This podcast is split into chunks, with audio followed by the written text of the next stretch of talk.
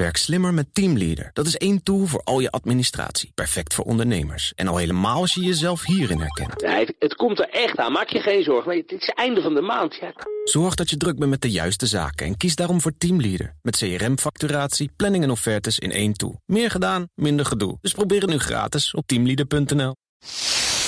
Welkom bij deel 2 van de Cryptocast 252. Dit is het podcast deel, deel B. In het eerste deel A hebben we het gehad over het laatste crypto-nieuws. Vind je als de vorige aflevering.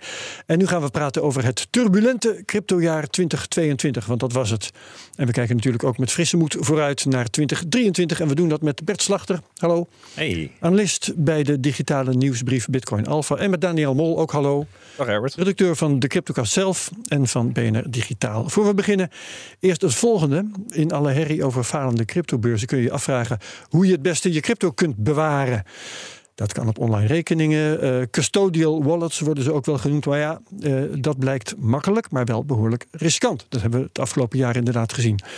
Algemeen worden hardware wallets als het veiligste gezien. Ja, dat zijn USB-sticks die je helemaal offline bewaart. Veiliger, ja, maar wel iets meer bewerkelijk. Dat gaat vaak samen.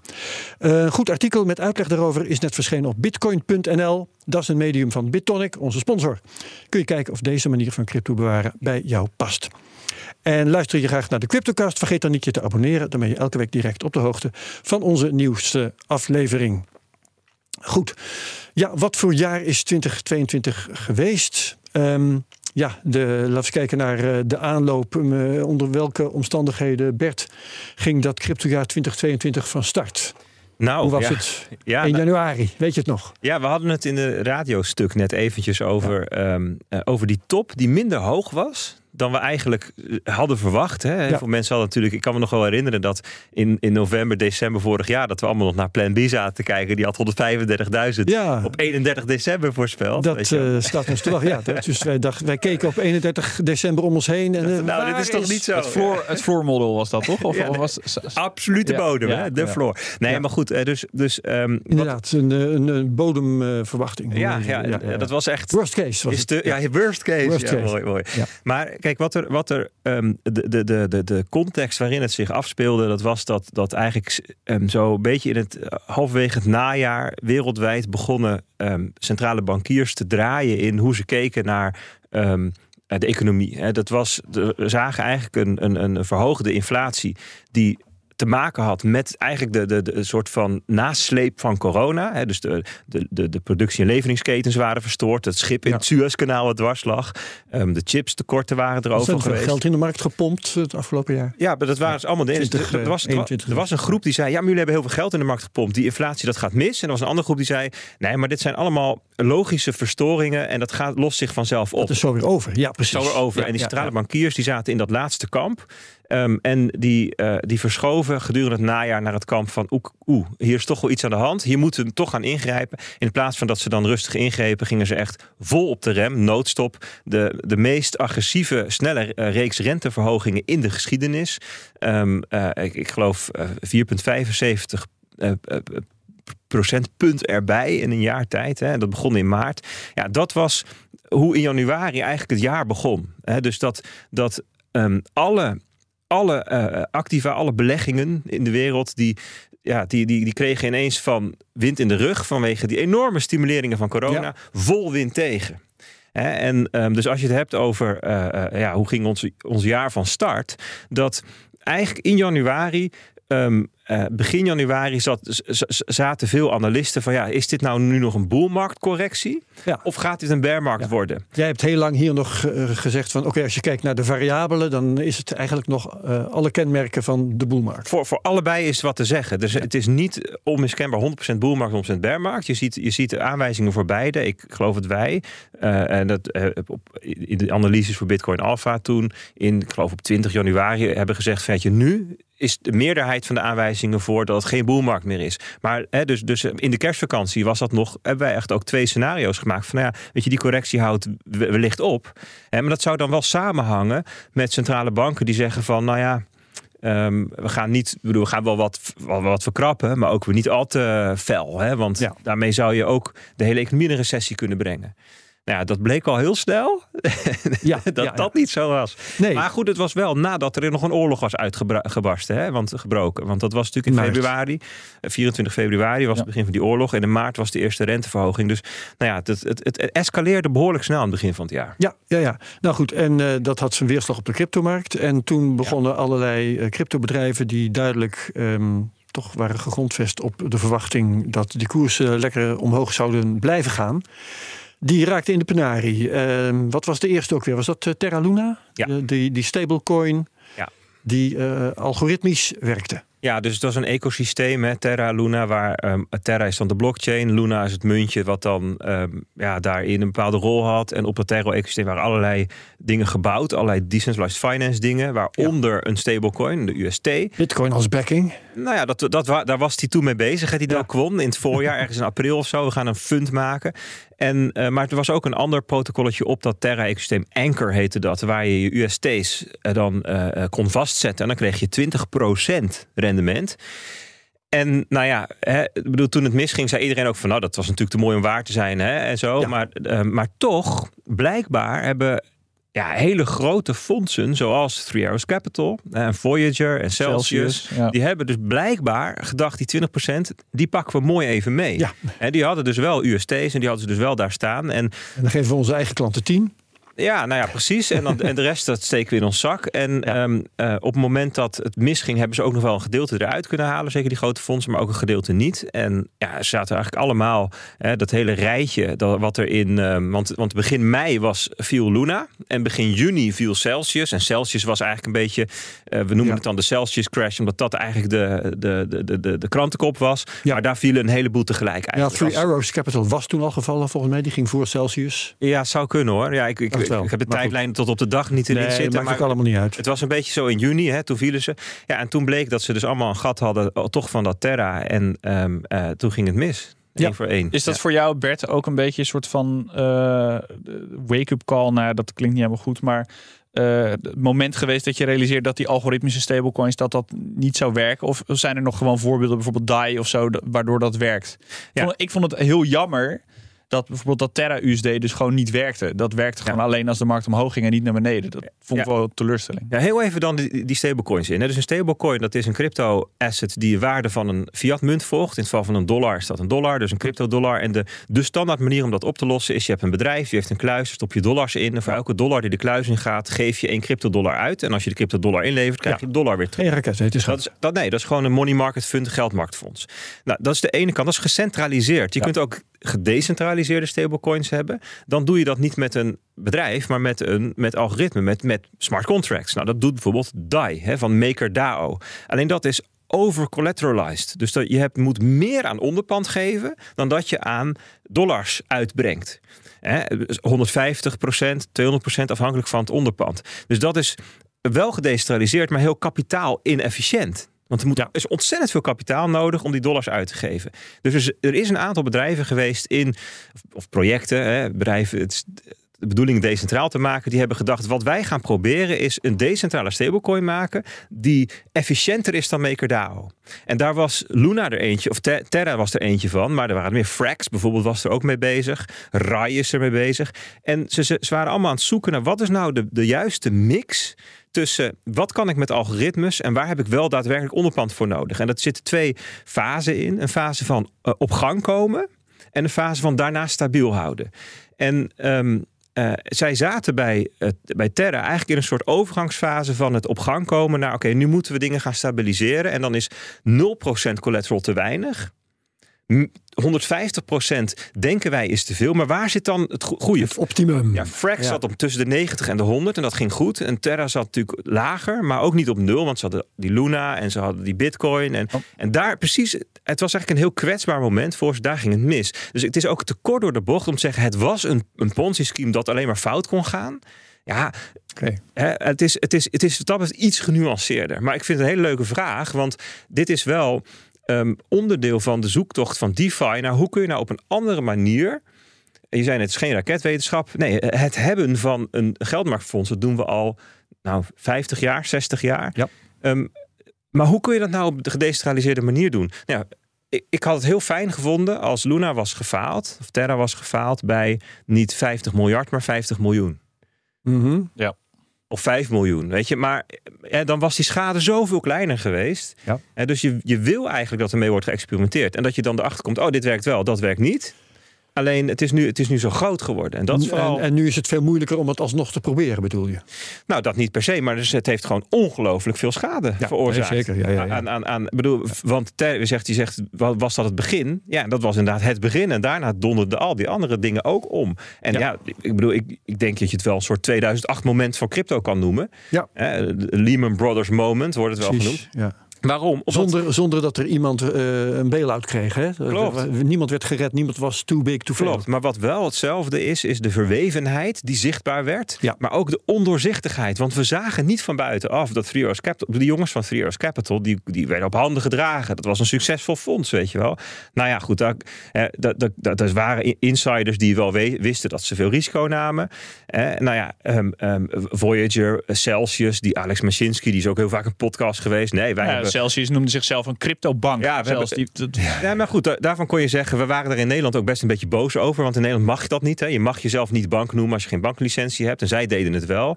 Maar dan kwam die Mashinsky, die kwam in een podcast. Ja, wij hebben meer dan 100 strategieën. Die allemaal niet meer dan anderhalf procent van onze, weet je wel. Dus als er iets misgaat, dan eh, is dat niet een Maar dat bleek dus gewoon geleuter te zijn.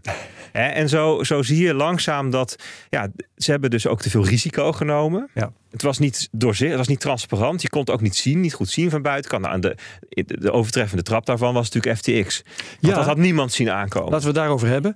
Ehm, wat wat eh, ik heb zitten denken op een gegeven moment. eh, toen het allemaal al lang was misgegaan hoor. dus- Want zo, zo vroeg had ik dat niet in de gaten. Ehm, heeft die Sam Bankman Fried soms gedacht. eh, ik koop zoveel mogelijk van die omvallende bedrijven op. Ehm, dan komt tenminste mijn kaartenhuis niet Nou, aan het licht. Nog, ik moet nog één stapje terug, want nu ga je net Ja, ga ik snel. Maar, nou, we hebben natuurlijk een periode dat, dat, dat BlockFi in de problemen kwam en Voyager in de problemen kwam. Ja. Toen eh, wierp FTX en Sam Bankman-Fried zich op als een soort witte ridder die even Ja. iedereen ging redden en opkopen. Eh, toen dachten wij gelijk al eigenlijk van hm, misschien is dit ook een soort van machtsgreep en een beetje een gekke manier van business doen. Ze eerst gewoon een beetje laten afzakken en laten doodgaan en dan opkopen. Dat is natuurlijk Mhm. slim. Maar inderdaad, om even jouw vraag in te leiden van is dat, is dat een kans geweest om zijn eigen problemen te verbloemen? En Ja. Ja, hoe denk jij daarover, Bert? Ja, hij werd, hij werd toen een beetje gezien als de JP Morgan van deze tijd. Hè. Dat was iemand Ja. die voordat de centrale banken waren ook de, de bail-outs deed. En een soort van heldenstatus. Hè. Dat, hij is daarna nog op allerlei covers gekomen. Ja. Maar wij zeiden toen ook al, want we hebben het toen in de Cryptocast ook over gehad. Hè, van ehm, op 28 juni, eh, toen speelde dat. En toen hadden we het over bail-outs. Is dat nou goed of niet? En toen zeiden wij ook van, nou, in principe is er überhaupt het doen van bail-outs een slechte zaak. Hè, het, eh, omdat je ehm, eh, mensen niet straft voor te veel risico nemen. Hè? Dus de moral Ja, ja, ja. hazard. Hè? Dus dat je, dat je zegt, je, je beloont eigenlijk voor... voor eh, Nou, er is wel een verschil, denk ik. Want als je een eh, bail-out doet bij een bank. Dan hou je die bank gewoon in stand. En de directeur blijft zitten en al die dingen meer. Ehm, bij een, bail-out, een commerciële bail-out, bijvoorbeeld van, eh, van Voyager door FTX, ik noem maar een dwarsstraat. Dan raken de, de oprichters, de aandeelhouders van dat bedrijf dat opgekocht wordt, die raken wel gewoon hun bezit kwijt. Mogelijk, maar wat ze er al uitgehaald hebben, dat hebben ze dan. En ze Ja. gaan niet de cel in en zo, weet je wel. Dus, Maar ik, helemaal mee. Wij zeiden, wij zeiden toen ook al van, ehm, ik, ik quote even wat we zelf eh, zeiden, wel leuk. Overigens hangt er rondom FTX en Alameda wel een geur van vieze spelletjes. Eh, dus dat is op zich, we hebben dat toen Wat scherp van ons. Ja, nou ja, kijk, ik, de- nee, ik denk wel. En kijk, wat natuurlijk jammer is, is dat we toen niet hebben gezegd. hmm, misschien moeten we eens even eh, budget vrijmaken om dat te gaan onderzoeken. Hoe Om zit even de het nou jaarrekeningen na FTX? te kijken. Ja, het was allemaal een beetje te mooi om waar te zijn. Dat idee kreeg ik altijd bij, Ja. bij SBF. Weet je, die was dan Ja. zat heel erg, was heel erg in bed met allerlei politici en die was Maar hard- dat is dus typisch iets wat je beter vooraf kunt zeggen dan achteraf. Ja, nee, goed. eh, Dit is de terugelijke uitzending. eh, Nee, Oh, ja. wij hebben het allemaal Klopt. niet zien aankomen. Dat Klopt. klopt. Maar het was toen Ja. Wel al. Dat kan ik me nog wel heel goed herinneren. En dat, dat zegt Bert nu ook van. Joh, er, er hing een beetje een vieze smaak. Het was niet of Sam Bankman-Fried die cryptobedrijven kwam redden. En dit was gewoon.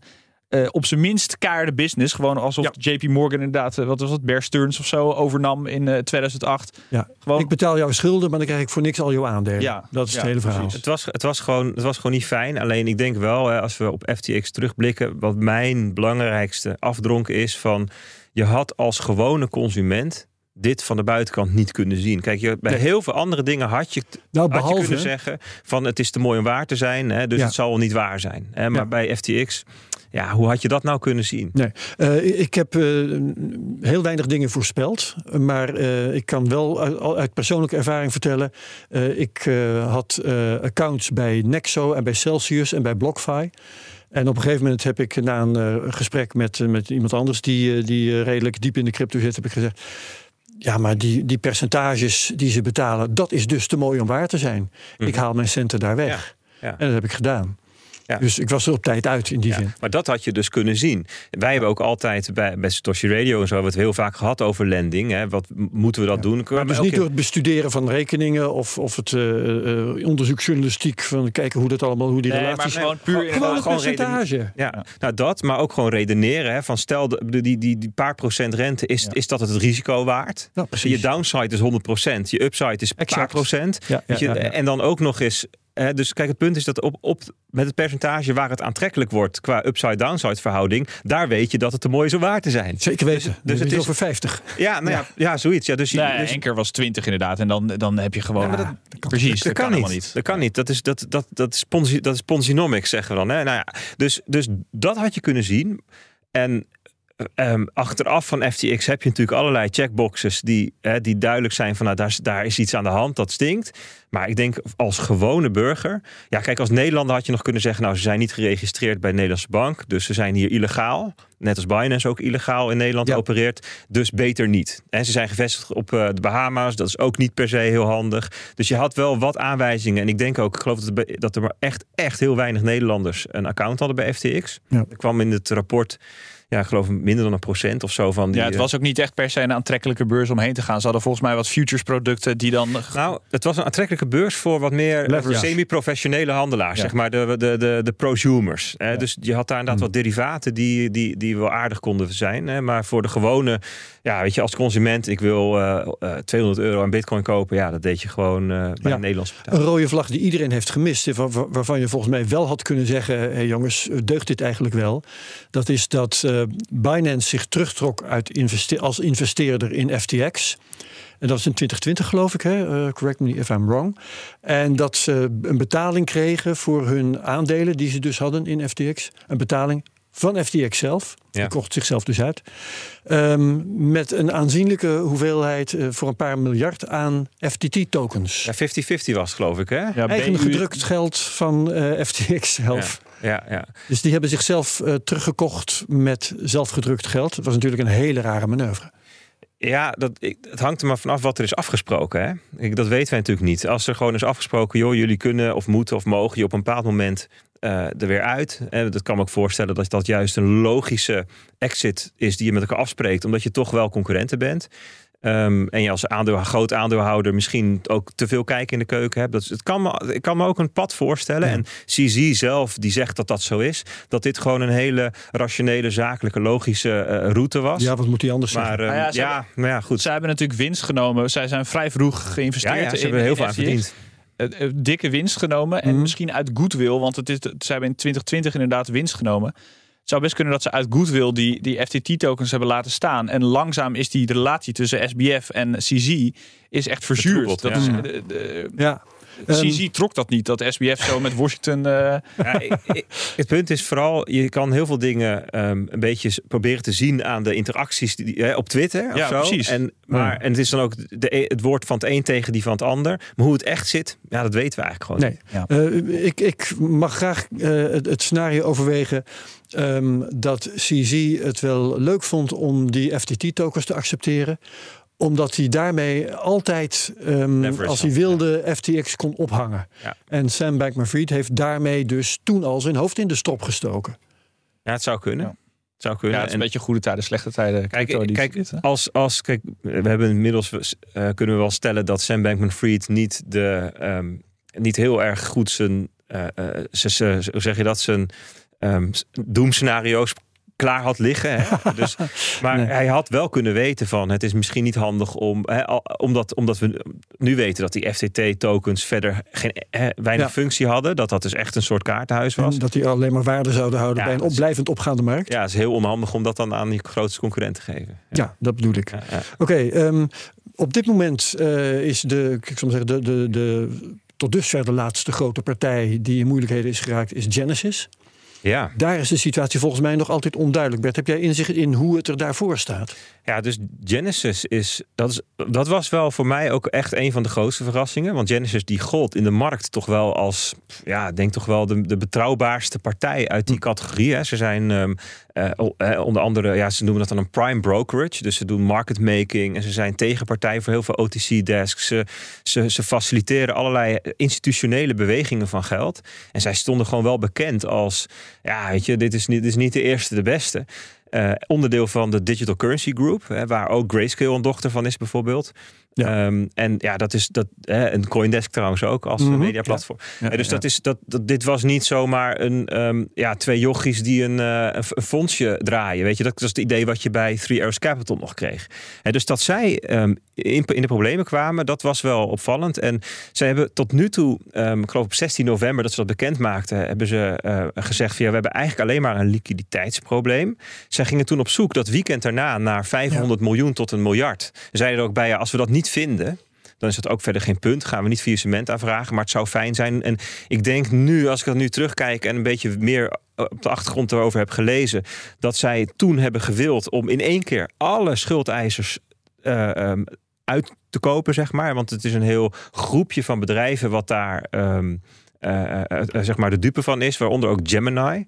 En dat was de partij waar het, waardoor het zichtbaar werd. Gemini Earn. Ehm, en dat is een onderdeeltje van Gemini. Ze doen bijvoorbeeld ook ehm eh, custody. Dat is helemaal niet geraakt, maar specifiek Ja. hun earnstuk. Daar konden mensen hun geld niet meer opnemen. En toen werd dus duidelijk dat het kwam door Genesis. Op 16 eh, eh, november. Ehm, en zei, ik denk dat ze dat meteen hadden willen parkeren. Oké, jullie hier hebben jullie alles. Klaar. En dan, kunnen wij, gaan wij, dan gaan wij het intern wel oplossen. Want het punt is namelijk, in die DCG, die Digital Currency Groep, daar heeft dus eh, Genesis blijkbaar een scheur in de broek, een tekort ergens. Maar het is op zich een winstgevende ehm, eh, eh, groep. Hè? Ik bedoel, Grayscale alleen doet al 3, 4, 500 miljoen per jaar. Ja, aan omzet, maar dat is eigenlijk gewoon ook marge. Want ja, wat moeten zij doen? Ja, een Ja. paar Excel-sheets bijhouden. Hè, dus, dus, dus, hè, de, nou, natuurlijk hebben betekent dat de de jurist. tijd in hun voordeel werkt. Ja, tuurlijk. En ze hebben op zich ook best wel veel op de balans staan. Alleen het grote probleem is dat ehm, Digital Currency Group, zeg maar de, de, de ouder, die heeft ehm, aandelen eh, GBTC gekocht. Dus dat is zijn het grayscale, Grayscale.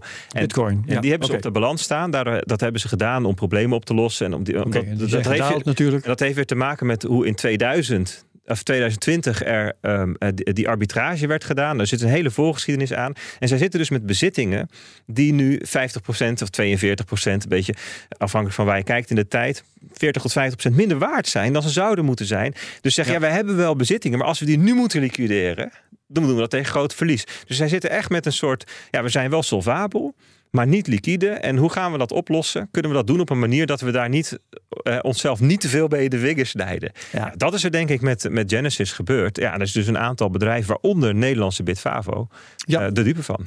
Precies. En eh, laten we dan het even over, over Bitfavo gaan hebben. Die hebben dus die blootstelling aan Genesis. Ehm, eh, maar het is mij niet precies duidelijk hoe het werkt. Ze hebben dus geld van klanten Ja. Eh, daar gestald.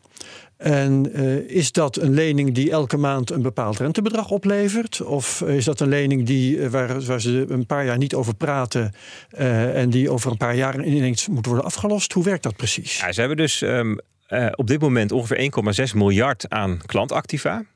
Ehm, en eh, Bitfavo. Bitfavo, ja. En, ehm, Ja. En, en bij Bitfavo kun je als klant staking aanzetten. Ja, dat is een dat soort rente-effect. Ja, dat is Ja. natuurlijk heel. Daar hebben we natuurlijk in het verleden ook al wel wat op gemopperd. Hè, want dat is eigenlijk eh, bij sommige assets is dat daadwerkelijk staking. En bij sommige assets is dat eigenlijk lending. Het is staking als het een, eh, een token of een coin is met proof of stake. Ja, en niet bij bitcoin dus bijvoorbeeld. Exact. En Ja. zij, hebben, zij hebben dit gekopieerd van Kraken. Die doen dat exact op dezelfde manier. Die hebben on-chain en off-chain staking. Eh, en die doen ook gewoon lending met staking. En bij Kraken zijn we allemaal geweldige partijen. Dus dat je dacht, nou dat doen we dan ook hè, op die manier. Maar het is natuurlijk eigenlijk heel stom, want je moet daar gewoon transparant over zijn. Goed, dat is natuurlijk een mosterd naar de maaltijd. Ehm, voor ongeveer 280 miljoen aan assets is, dat zijn dus klanten die het vinkje hebben aangezet. Ja. Dat is naar Genesis gestuurd. Ja. En zij kregen daar gewoon eh, dus ja, iets van een vergoeding voor. Elke maand. Rente. Is dat inderdaad ja, zoiets? ik weet niet elke dag, week, maand. ja, maar nee, goed. het was wel, maar- het ja, was wel ja, eh, ogenblikkelijk opneembaar bij Genesis. Je kunt gewoon zeggen, doe mij het maar terug. Eh, ja. Dat was hoe het was. Maar dat was het tot aan het moment dat zij dus in de, in de knel kwamen. Eh, eh, de- rond 16 november. En maar betekent dat dat die, eh, laat ik het toch maar even noemen, die rentebetalingen ook niet meer binnenkomen bij Oh, dat weet ik Bitfavo? niet. Dat weet je niet. Nee, maar ik, ik veronderstel dat dat, dat dat niet meer binnenkomt, maar wel wordt opgerend. Hè, dus dat ze uiteindelijk dat nog een keer gaan krijgen. Als Ja, de teller loopt door. Ja, alleen, is Bitfavo natuurlijk gewoon recht op. Maar inderdaad, als er liquiditeitsproblemen zijn, dan gaan ze dat niet uitbetalen. Dat is hoe, dat, hoe zoiets normaal gaat. Dus de situatie van Bitfavo is een beetje te vergelijken met de situatie eh, afgelopen jaar van een klant van Celsius. Je hebt je te goed nog wel, tenminste het lijkt daar te staan. Je kunt er alleen niet bij. En het zou kunnen Ja. dat je, in theorie in ieder geval, dat je het nooit meer terugkrijgt. Ja, dus, dus er is een heel spectrum van mogelijkheden. Of Ja. je krijgt alles terug met alle rente en ook nog redelijk binnenkort. Tot en met je krijgt helemaal niets meer terug omdat de hele DCG-groep omvalt. Ja. Nou, en dan is de vraag: van, dan, ga je, dan moet je dus een inschatting gaan maken van ja, waar zit het op dat spectrum? En ehm, nou ja, vooralsnog lijkt het dus in de gesprekken met DCG dat ze gewoon alles gaan krijgen. Ja. En dat ge- dat geldt voor Gemini bijvoorbeeld ook. Ja, maar nou he- he- heeft Bit- Bitfavo de afgelopen tijd wel wat ongelukkige uitspraken gedaan. Het begon ermee dat ze zeiden: we hebben geen blootstelling aan Genesis. Ja. Ehm, en dat is ehm, In het FD, hè? Voor de in, het FD eh, deden ze dat. Althans, ze zeiden het, het is Nou. in de indirecte reden in het FD gepubliceerd. Bitfavo zegt geen eh Nou, er st- stond- blootstelling te hebben. Andere bedrijven zeggen geen blootstelling te hebben aan, aan Zoals Genesis, Bitfavo. zoals Bitfavo, dat is een heel rijtje. Precies. Dus hoe dat gesprek met hun gegaan is, of er dat letterlijk gevraagd is, dat weet ik niet. Maar ik weet wel dat ze Ik heb toen... gesproken met Pim Brasser, die het stuk heeft geschreven. En die zegt het dat inderdaad in, via een e-mail dat dat zo is gezegd. Oké, nou ja, kijk, wat, wat voor, de zes, voor, voor de 16e al speelde, is dat zij al toen al met DCG in gesprek waren hierover.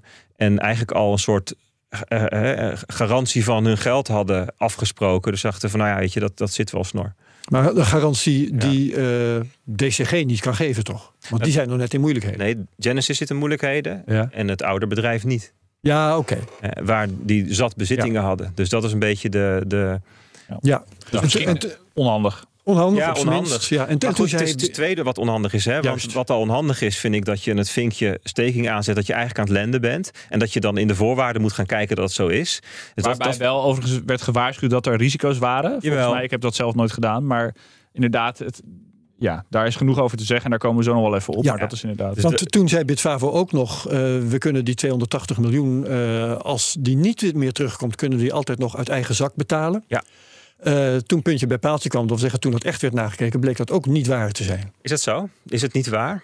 Het is niet waar, ehm, omdat ehm, eh, ze komen nu uiteindelijk weer een stadium later met een eh, uitvoerige berekening die dan net op, eh, ik geloof 293 miljoen uitkomt. Maar daarvoor is het nodig dat de oprichters 110 of 125 miljoen, daar wil ik van af zijn, terug overboeken. Ja. Die ze al aan die, als dividend aan zichzelf hadden uitgekeerd. Dus dat was geld dat Bitfavo niet meer had op dat moment. Nee, maar goed, wel het geheel. Kijk, het is natuurlijk een bedrijf met ehm, eh, een privaat bedrijf. Het is geen beursgenoteerd bedrijf. Er zijn drie aandeelhouders en Bitfavo. Ja. Ja, dat, dat, dat is een soort we. Het is een groep. En je kunt, kijk, op het moment dat ze er al speedboten en huisjes op de Bahama's van hadden gekocht, dan was het natuurlijk een leugen geweest. Dan hadden ze dat eerst moeten liquideren. Maar ze hadden de centjes natuurlijk gewoon staan. Nou, ik ben het niet met je eens. Het, als, het bedrijf, als het bedrijf dividend uitkeert, dan is dat daarna het bezit van degene die het dividend heeft ontvangen, hè, als persoon of als wat dan ook. En dan is het niet meer het bezit van het bedrijf. Nee, dus de aandeelhouders die hebben met elkaar overlegd en gezegd: wij zorgen ervoor dat, dat, dat die liquiditeit er is. Hè, dus de liquiditeit die Bitfavo zelf nog heeft, kredietlijnen Ja. en wat de aandeelhouders inbrengen bij elkaar. Maar daarvoor was het nodig om een, om een transactie ongedaan te maken die al was gedaan. Nee, het is niet ongedaan maken. Het is opnieuw een transactie doen. Want die dividend ongedaan maken, dat kan niet zomaar. Ik denk ook niet dat ze dat doen. Ik denk dat ze het gewoon terug ja, overmaken. terugstorten. Ja. Ja, ja. Nee, maar goed. Alweer te- inbrengen, te- zeg maar, als Ja, liquiditeit. ja, ja, nee, zeker. Te- geld terugstorten dat eerst eh, eh, eh, Uitgekeerd was, was. was uitgekeerd. Dus ja, goed, daar verschillen we dan over van mening. Ik vind Ja, de dat. situatie is natuurlijk sowieso, eh, als je inderdaad moet zeggen, hey jongens, we hebben 280 miljoen bij, bij eh, Genesis of de Digital Currency Group staan, dat krijgen we mogelijk niet terug. Ja. Alles wat je dan zegt, ligt onder een vergrootglas. En alles wat je dan, ehm, ja, je kan zeggen, eh, het komt helemaal goed jongens, allemaal perfect. Dan zegt iedereen, ja, ik weet het niet. Ja. Dus eh, in elke, in elke zeg maar, optie is, is vervelend voor, de, voor Bitfavo, dat klopt wel. En ja, dat er dan, dat er dan een soort van, van, die, van die onhandigheidjes. Ja.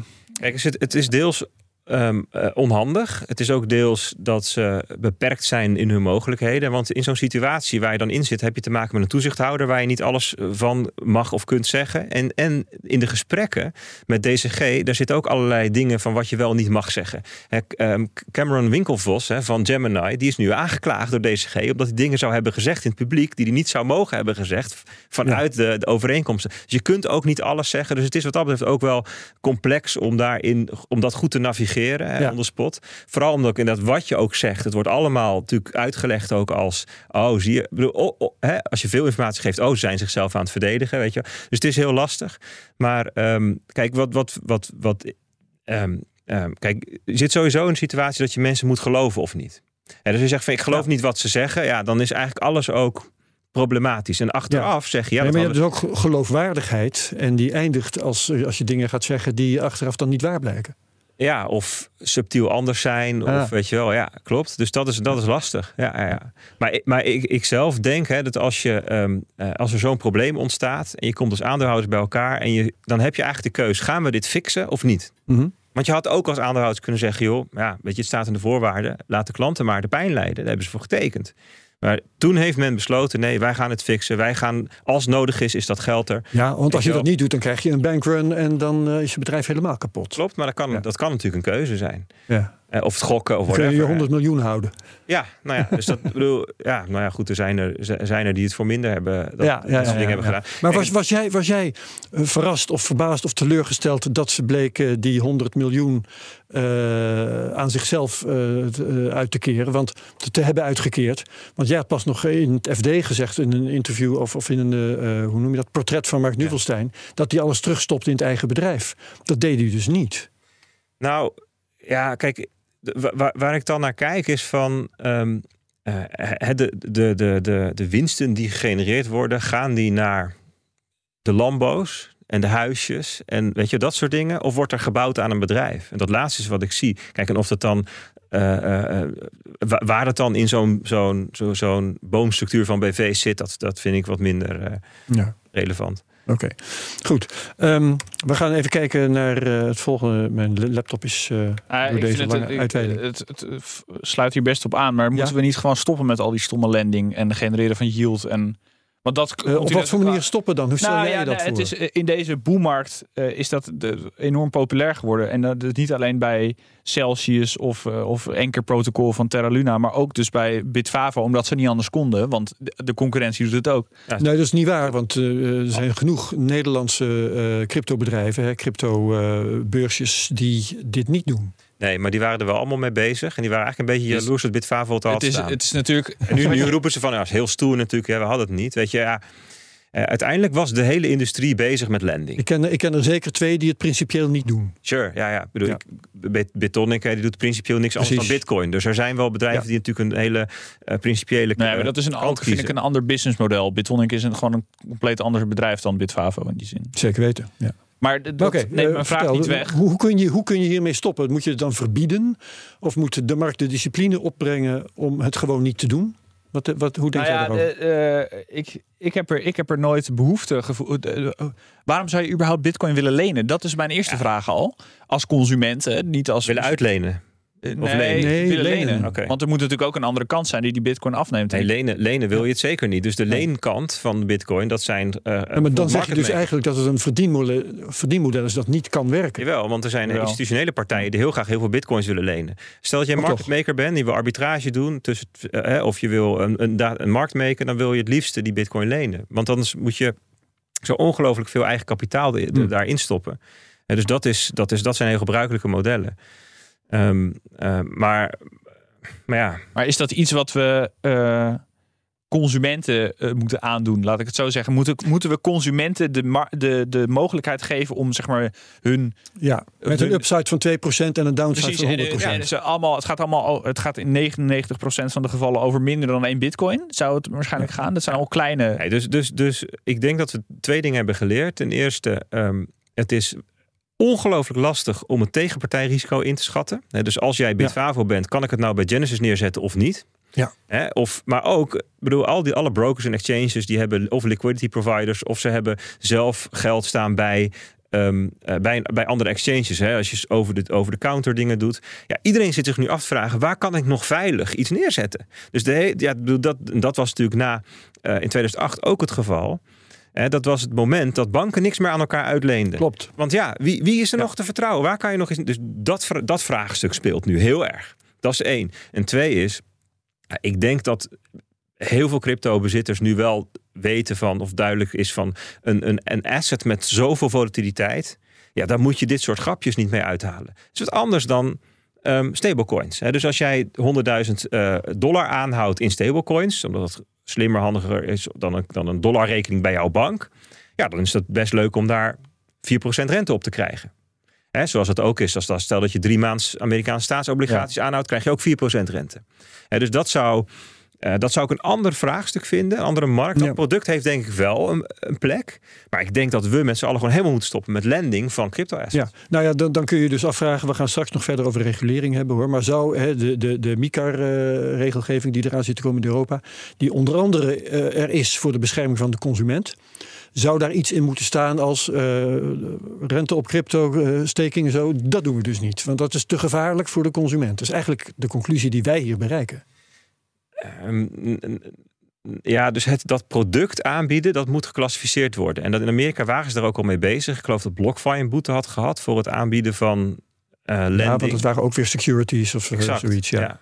Dus ja, ja, hier moeten we wel iets mee. Ja. We moeten er iets mee. Of dat, nou, laat ik zo zeggen, of dat moet voortkomen uit ehm, eh, zelfregulering. Met andere woorden, niemand wil dat product meer. Of, en of er komt meer transparantie. Of dat je als eh, ehm, eh, ehm, maatschappijen zegt, we, we leggen regels op aan de sector. Ja, of allebei. Ja, I don't Maar know. zelfregulering in, in de cryptowereld, dat heeft. eh, Doodpaard. eh. dat, eh, ja, dat is, kind, is- zeg maar in de financiële wereld is zelfregulering. eh, ja, daar moeten we misschien een beetje vanaf. Maar het zit niet in, Ja, in. MICAR nu, toch? Weet ik niet. Ik weet niet. Volgens mij ook Nee. niet. Nou, ik weet het niet. Nee, ehm, we gaan verder met alles wat we nog moeten bespreken. Moet een beetje door. Ehm, Binance is nu eh, de grootste. Waren ze trouwens al, maar ze zijn nog veel eenzamer aan de top. Ja. Ehm, toch zijn er al wat geluiden eh, geweest van eh, ja, klopt het allemaal wel helemaal met Binance? Hoe zit het met de waarde van die eh, Binance eh, coin bijvoorbeeld? Ehm, wat gebeurt er als Binance zou gaan wankelen? ja, Dat doen ze al, toch? Ja. Is het dan zoals het FD dit jaar schreef, eh, eindelijk afgelopen met de cryptorage?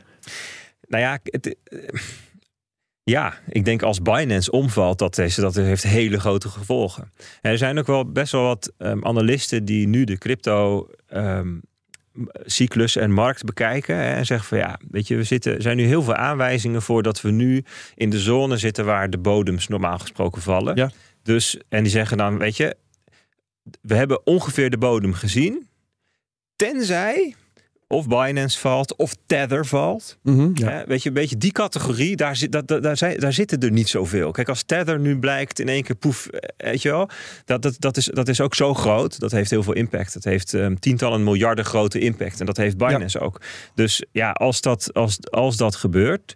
Kijk, het wankelt natuurlijk al lang. In de zin dat er natuurlijk al, al, al, al maanden mensen zijn die zeggen: ja, eh, eh, haal je spullen weg bij Binance, weet je wel. En ehm, nou ja, dat is heel grappig. Beetje de doemdenkers. eh, Nou ja, dan komen dan met argumenten. En soms zijn dat dan, eh, eh, is het echt fut. Blijkt dat gewoon Ja. echt onzin te zijn. Soms Ja. zijn dat dan eh, oude persberichten die worden opgelepeld. Maar de redenering zorgt dat je niet te veel hebt staan bij welke exchange dan ook. Ja, die houdt ik wel vind- stand. Ik vind dat Bart Mol hè, van Satoshi Radio, die zegt het altijd mooi. Die zegt, joh, je moet Binance zien als een openbaar toilet. Je gaat er naar binnen, je doet je ding en je gaat weer weg. Eh, je, je, gaat, je ne- je neemt je spullen mee en je neemt ze ook meteen weer mee naar buiten. Bedoel, Binance kan nuttig zijn en je kunt er best aardige dingen doen. Alleen, je, je gaat er niet voor lange tijd je waardevolle dingen neerleggen. Dat doe je ook niet in een openbaar toilet. Maar toch vind ik het wel vervelend dat, dat eh, merk ik dan dat Binance is niet zo'n transparant bedrijf. Het is niet echt een, eh, weet je bijvoorbeeld als Nee. we het zo meteen over Coinbase hebben, beursgenoteerd, kan je gewoon in de boeken kijken. Eh, zijn ook vrij transparant qua regelgeving, Amerikaans bedrijf. Binance is dat allemaal niet. En Nee, het- en ze zoeken altijd bewuste randjes op. precies, ja. Ja. Nou, in Nederland hebben we dat natuurlijk al gezien. Die Ja. hebben, zijn Ja. onwijs geschrokken van 3 miljoen euro boete van de van DNB. Zo, dat komt aan.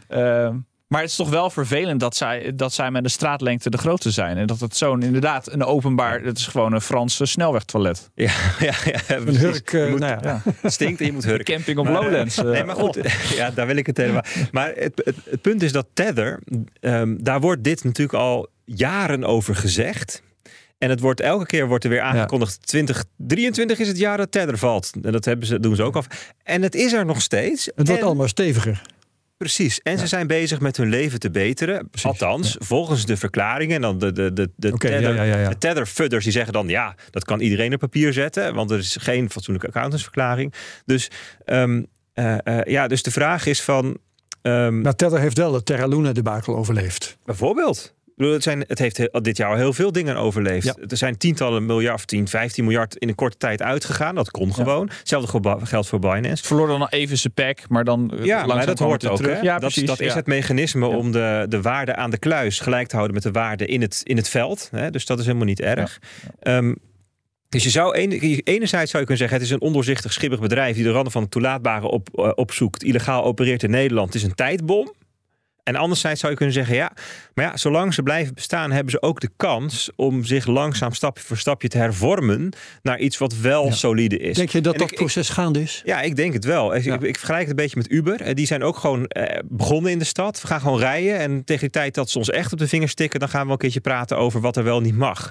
En een soort van kamikaze-adoptie. en dat is wat Binance ook gedaan heeft. Ze zijn nu al veel meer... Ik bedoel, ze hebben in Frankrijk eh, hebben ze het hele proces doorgegaan... van het krijgen van een vergunning. Ze hebben zich daar gevestigd. Ja. Weet je wel, dus ze zijn, ze zijn zichtbaar bezig, heel langzaam, weet je, op het allerlangzaamste tempo, om zich aan te passen aan, aan toezicht. En nou, de mooie praatjes van CZ kan je wel of niet geloven. Maar ja, ik vind het, laat, ik- laat ik het anders zeggen, ik vind het geen garantie dat Binance en Tether een keer zullen omvallen. Nee. En dat is vaak hoe het gepresenteerd wordt. Dit is een, een ongeluk dat wacht om te gebeuren, zeg maar. Ja. Oké, ehm, Coinbase nog doen, eh Daniel? Ja, gaan we door. Ga want, maar eh, door. Oké, ik eh, ga er gewoon eens even wat, wat dingen eh, uitpikken. Eh, NFT's. Ehm, ja, ehm, Bert, zijn, die, zijn die nog, eh, hoe, hoe moet je dat nou, nou zeggen, Eh, levensvatbaar? Dat woord zocht ik. Ja, ja in elke boelmarkt wordt, worden nieuwe innovaties zichtbaar. En de, de, in, eh, een soort experimenten komen, worden er gedaan en die, worden dan, die krijgen dan op een of andere manier tractie. En het is ook altijd heel moeilijk om te voorspellen welke dat dan zijn. Ehm, Decentralized Finance 2020, NFT's 2021, kwam ineens Beeple in maart en dan in de zomer kreeg Ja. je al die, al die collections en zo, hè, die, die apen Ja, en zo. Donald Trump zelfs nog pas. Ja, ja. En, en, en dat loopt dan altijd. Dat was met de ICO's 2018 ook. Noem ze allemaal maar op. Het loopt altijd uit de hand. Het, het ontaart altijd in een soort van. Ja, volstrekte orgie van ellende. En, en dat was bij NFT's ook, jongen. De, de, de, de, de, de Discord-channels die schoten als paddenstoelen uit de grond. Ja. En daar werd dan weer de volgende collectie gelanceerd. En dan als je er dan vroeg bij. En het werd gewoon een soort pump-and-dump groep. Dochter van Forum voor Democratie. Eh, totale, nou ja, weet je, totale gekte. En, maar ook, ook gewoon ongekende oplichterij. Ik denk dat dat wel de taxatie is van ehm, hoe de NFT-markt eindigde, laten we zeggen, ehm, in najaar vorig jaar. En ehm, dat gaat niet meer terugkomen.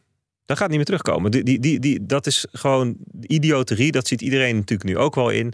En de oplichting die daar gaande was, gewoon puur ingespeeld op de hebzucht en de FOMO Ja. van mensen. Maar onder al die hype, en dat geldt ook voor DeFi, dat geldt ook zelfs voor ICO's, zit wel ehm, eh, iets eh, principieels wat in die experimenten is, is aangetoond nuttig te zijn. Kijk, uiteindelijk is in potentie alles alle digitale bezit is een NFT. Concertkaartjes, aankoopbewijzen, persoonsgegevens, bewijs van aanwezigheid, kunst, auteursrecht, diploma's. Een analoog. NFT bedoel je? Nou ja, gewoon een NFT. Ik bedoel, waarom?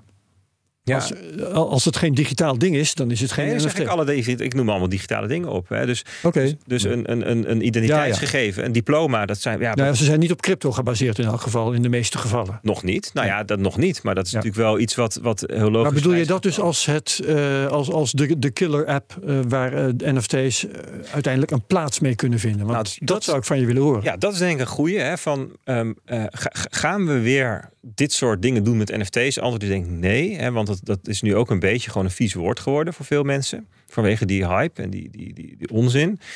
Maar je zult dus op een gegeven moment een, een, een real-life product gebruiken. Gewoon omdat dat nuttig is. En dan blijkt dat gebruik te maken van NFT's.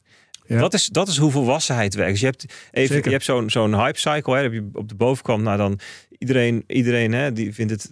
Het gaat de wereld op problemen oplossen. En verzint allemaal maar. En dan krijg je die trough of disillusionment. Van ach, het was eigenlijk allemaal onzin.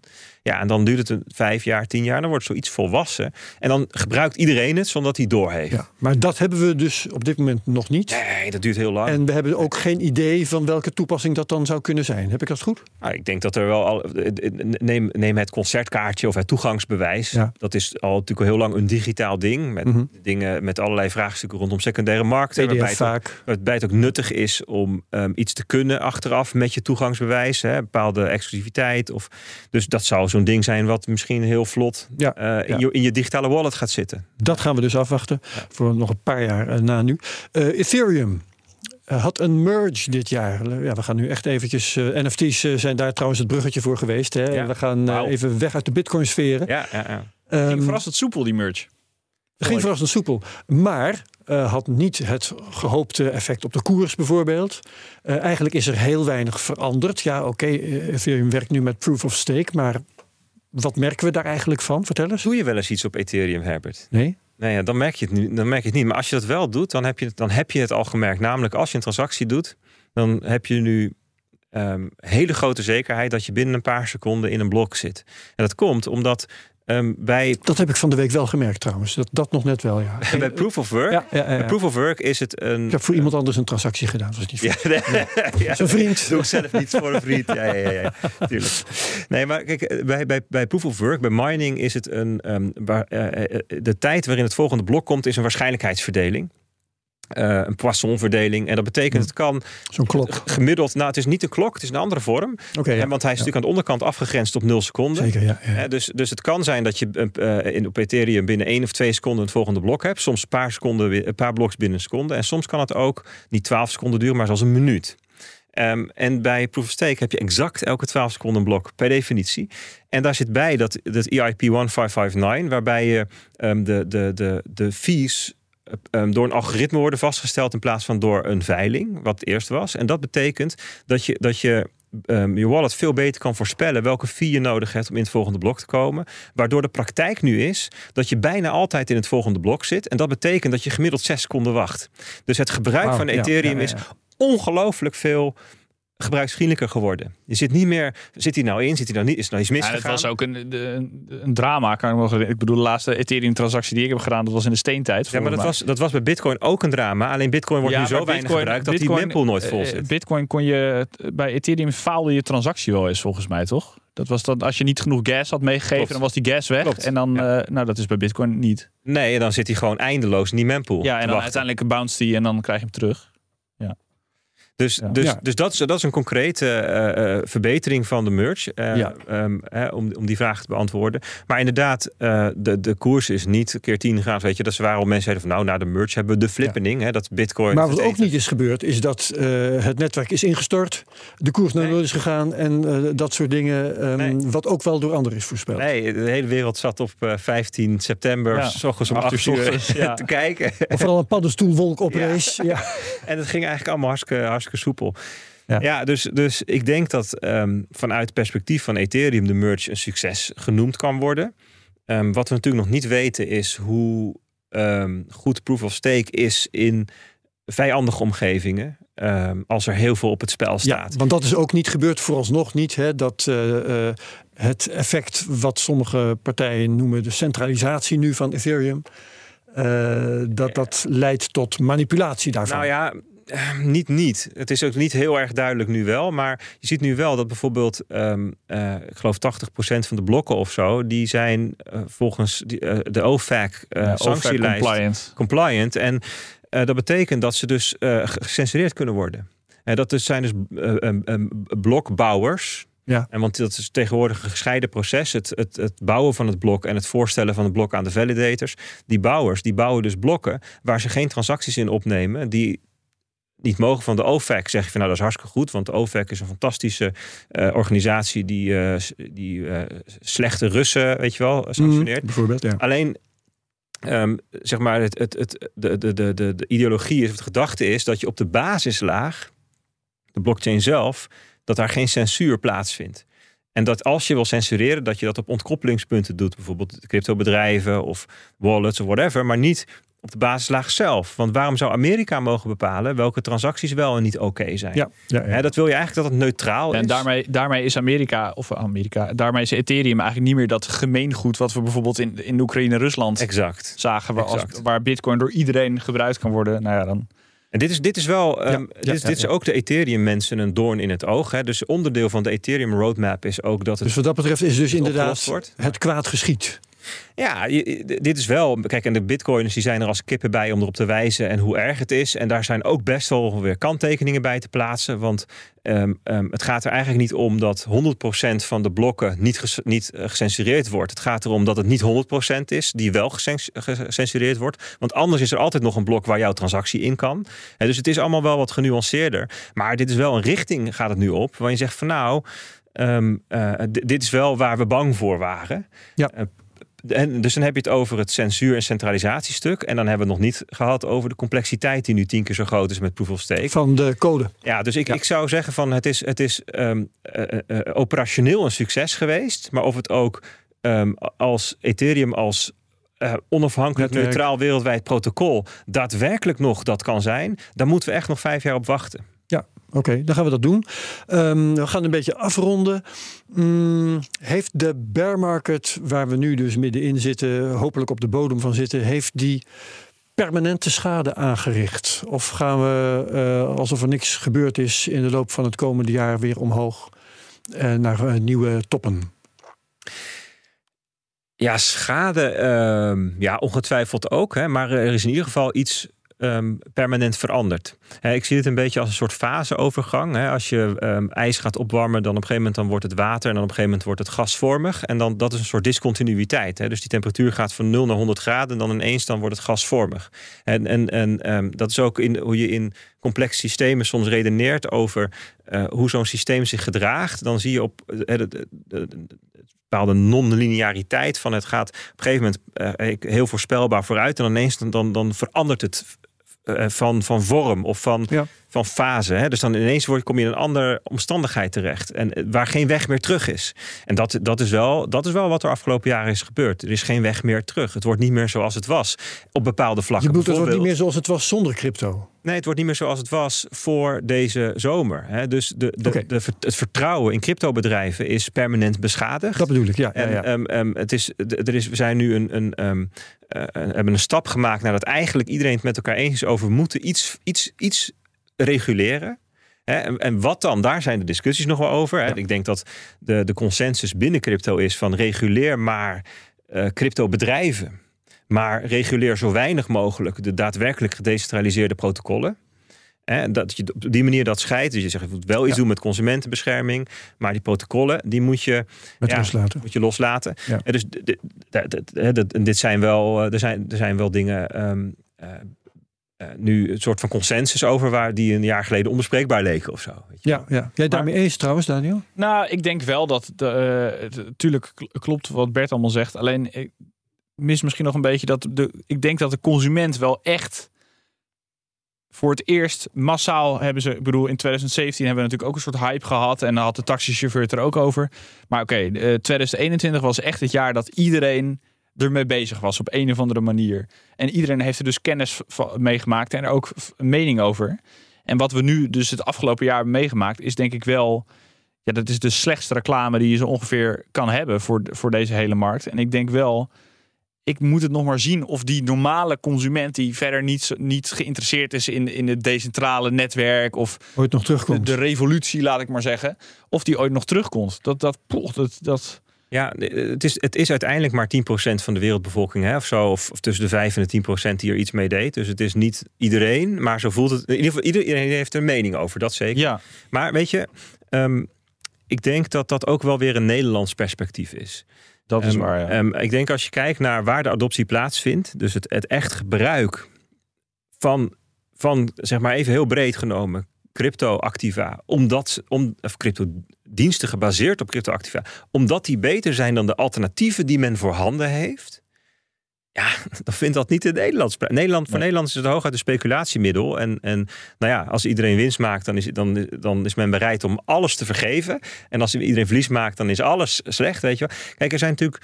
Ik denk dat je de afgelopen jaar... Hè, we hebben het best wel over lelijke dingen van dit jaar gehad. Mhm. Maar dit jaar heeft ook laten zien... Absoluut. Hè, als ik even kijk naar Rusland en Oekraïne. Ik vind dat heel bijzonder dat je in een, in een, in een oorlogssituatie... Die, waar de oorlog net is uitgebroken... aan beide kanten van het front... burgers hebt die moeten vluchten of die willen vluchten... ehm, en die allebei crypto-assets gebruiken... om iets van waarde mee te nemen de grens over. De pinautomaten deden het niet, de bankdiensten waren offline. En, ehm, en van beide kanten was het leger niet in staat om dat van de van de ander tegen te houden. Net zoals ze ook niet kunnen tegenhouden, de Russen kunnen ook niet tegenhouden dat de Oekraïners zuurstof ademen en staal gebruiken. Dat, is, dat, dat is gewoon. Het is een gegeven dat er een onafhankelijk neutraal netwerk is waar je dat mee kunt. En dat, dat, dat is- natuurlijk de, ehm, de hypothese geweest heel erg lang. En dat was ook best wel zichtbaar ehm, in Hongkong en in Nigeria en in Sierra Leone. En op allerlei plekken waar conflicten waren. Of waar jouw dictator jou wilde uitsluiten. Of waar je geld zijn waarde ver- verloor. Maar dat was een heel erg ver van het bedshow. Nu is dat heel zichtbaar, heel dichtbij gekomen. Ook de Canadese truckers natuurlijk. Dat ook al, dat was in januari geloof ik, ook al, ook al dichterbij. Ja, en dat, ehm, dat zijn wel de plekken waarbij zoiets als, ja, ik vind het wel heel erg van FTX, niet zo'n rol speelt. Ja. Omdat het gewoon beter is dan de alternatieven. Ja. Die mensen gebruiken gewoon de protocollen. En die protocollen zijn nul seconden down geweest. Toch eh, zal een eventuele nieuwe hype, die zal toch eh, hier in het Westen zijn vaart moeten krijgen, denk ik.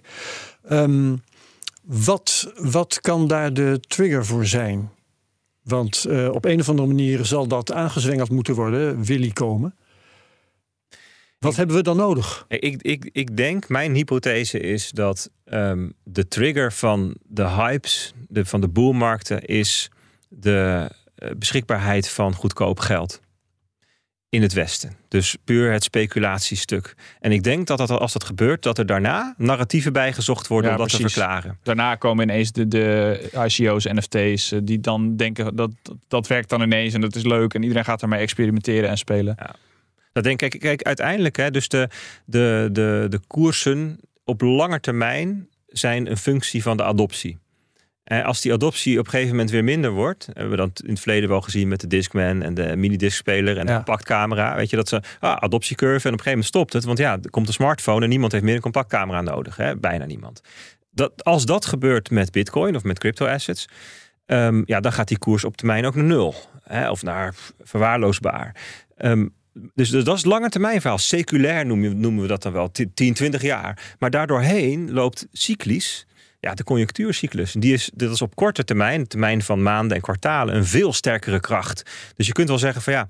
Ehm, en daarom, jij hebt ook wel eens be- bepleit, Herbert, dat ehm, je moet niet zozeer naar de toppen kijken, maar naar de bodems. Ja, precies. Ja, ja. Want bij de bodems valt hij eigenlijk terug, min of meer naar die Naar adoptie. die adoptie, dat adoptieniveau. ja. Ja, ja. En, en ehm, ja, dus de vraag is: komt er ooit weer een, een positieve conjunctuurcyclus? Gaat er ooit weer gestimuleerd worden door overheden? Ja, een keer wel. Wanneer? 2023, 2024, wie zal het zeggen? En ik denk dat dan gewoon.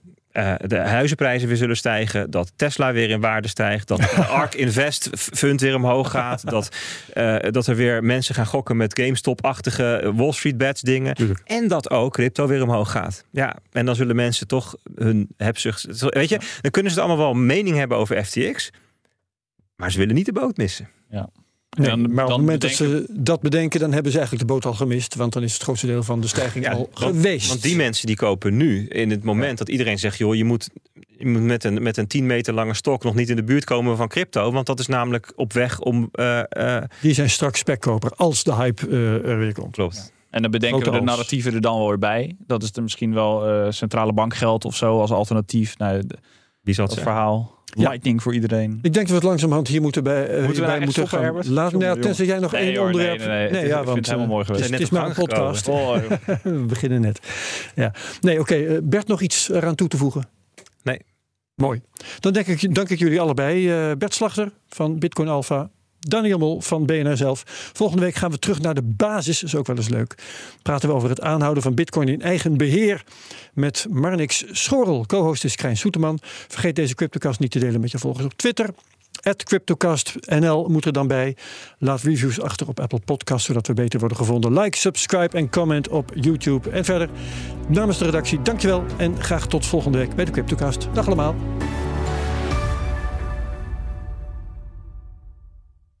Werk slimmer met Teamleader. Dat is één tool voor al je administratie. Perfect voor ondernemers. En al helemaal als je jezelf hierin herkent. De offerte. Ja, ja, die komt eraan. Eh, ik ben er nog niet aan toegekomen. Zorg dat je druk bent met de juiste zaken en kies daarom voor Teamleader. Met CRM-facturatie, planning en offertes in één tool. Meer gedaan, minder gedoe. Dus probeer het nu gratis op teamleader.nl.